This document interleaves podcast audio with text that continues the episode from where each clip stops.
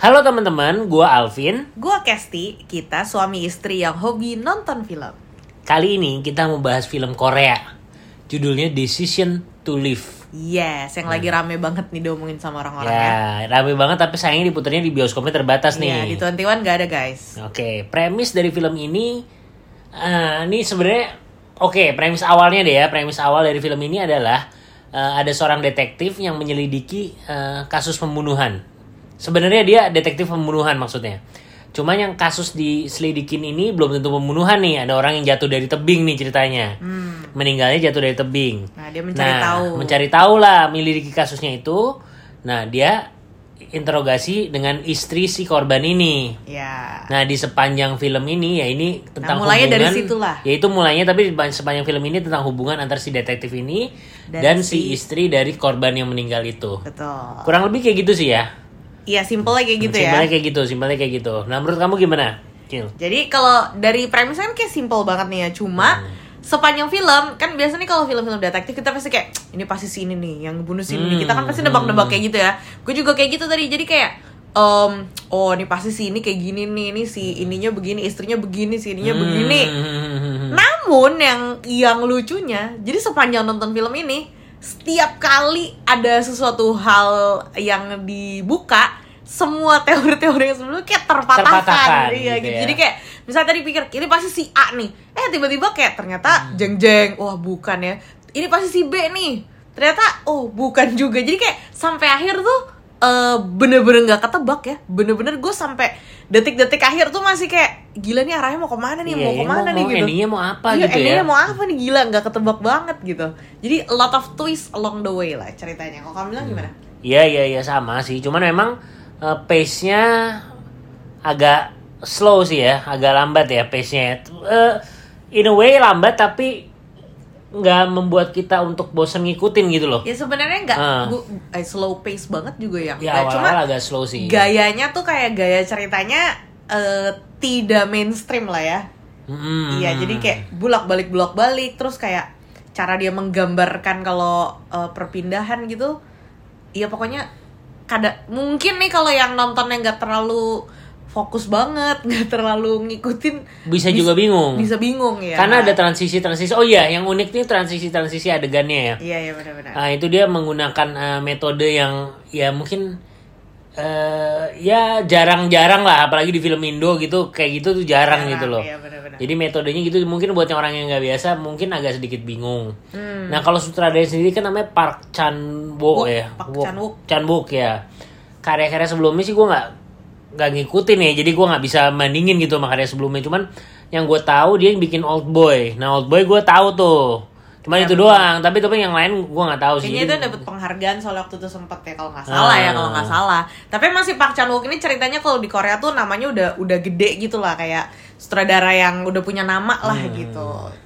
Jadi em, apa namanya kita makanya lumayan penasaran juga karena beberapa eh, orang yang udah pernah nonton pada bilang ini menarik banget nih kayak a lot of twist dan cara dia ngegambarin tuh cakep gitu. Hmm. Apalagi Vin. Dan Kalau gambar-gambarnya juga eh, in a way eh, bag- indah sih. indah sih. ya, indah bener-bener. indahnya bukan indah pemandangan itu cuman maksudnya cara ngambil Artsy angle lah gitu, artsy ya. ya. filmnya artistik, Artistik, banget artistik ya, filmnya artistik banget shot-shotnya tuh artistik, colornya bagus dan ya tapi sebenarnya kalau dibilang em, mudah dicerna juga enggak sih filmnya tuh tidak Ya. terlalu mudah dicerna karena Mikir eh, lah, mikir, tetap mikir. iya Nah. beberapa menit pertama tuh kayak masih ini maksudnya gimana sih ini kayak Hmm. mm, kita belum bisa maksudnya masuk ke dalam itu itu juga butuh butuh mikir gitu jadi ini film mikir lah kalau mau eh, kalau carinya yang kayak santai-santai gitu ya mungkin belum tentu cocok gitu ya ya ya ya dan dari segi pemain sih gue applause juga buat eh, dua pemeran utamanya ya Iya, benar. si Tang Wei itu artis eh, Cina nih sama si emang jadi orang Cina juga ya si Ini si- istrinya itu eh, si, si ceritanya. tokoh utama wanita ini si Tang Iya. Wei sama si Park Park Han Park Hae Hae Il Il, eh, Park Hae Il ya ini dua orang ini bisa menurut gue sih bisa menunjukkan chemistry yang bagus banget setuju setuju itu jadi kita bisa ngeliat banget gimana caranya eh gimana ra- bisa ngerasain lah orang yang sebenarnya udah mulai suka tapi terbatas karena sesuatu kayak gitu jadi apa eh ya bisa kerasa gitu loh chemistry-nya bagus sih. Ya, gitu. tapi ditonton aja ya biar nggak ada spoiler-spoiler ya. Nggak, nggak, itu bukan spoiler sih memang itu kisah tentang dua orang ini kan. Iya, jadi maksudnya Jadi jadi it's okay sih ngomong itu eh, cara-cara mereka chemistry-nya tuh bagus lah menunjukkan itu gitu loh. Oke, terus kalau teman-teman udah nonton Reply 1988, itu tuh di situ ada si ini juga Go Kyung Pyo ya kalau nggak salah namanya. Pokoknya yang jadi yang jadi uh, anak baik ganteng uh, rumah tetangga sebelah itulah. Jadi uh, mungkin kalau nonton nanti akan lihat muka-muka familiar di situ juga. Gitu. Apalagi nih, Vin? Highlightnya. Udah sih kayaknya sih. Cuma sekali lagi sih menurut gua ini bukan film buat, buat semua orang ya.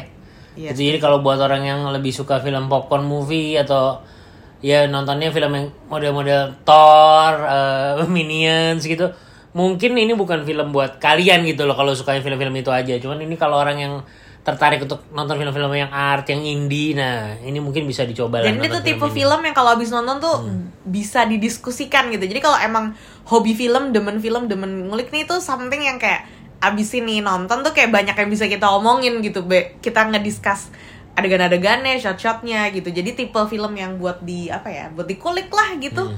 Bukan buat bukan buat em, sekedar entertainment atau popcorn movie gitu. Nah, yang pasti mikir sih. Filmnya Dan mikir. maksudnya mikir artinya setelah nonton kita juga bisa uh, merenung tentang kata-kata decision to live-nya itu aftertaste-nya iya, cukup benar, berasa. Betul, setuju. Oke lah gitu aja kayaknya ya. Takutnya malah spoiler makin banyak nanti. Oke, jadi kalau bottom, bottom line, line nilai dari kamu?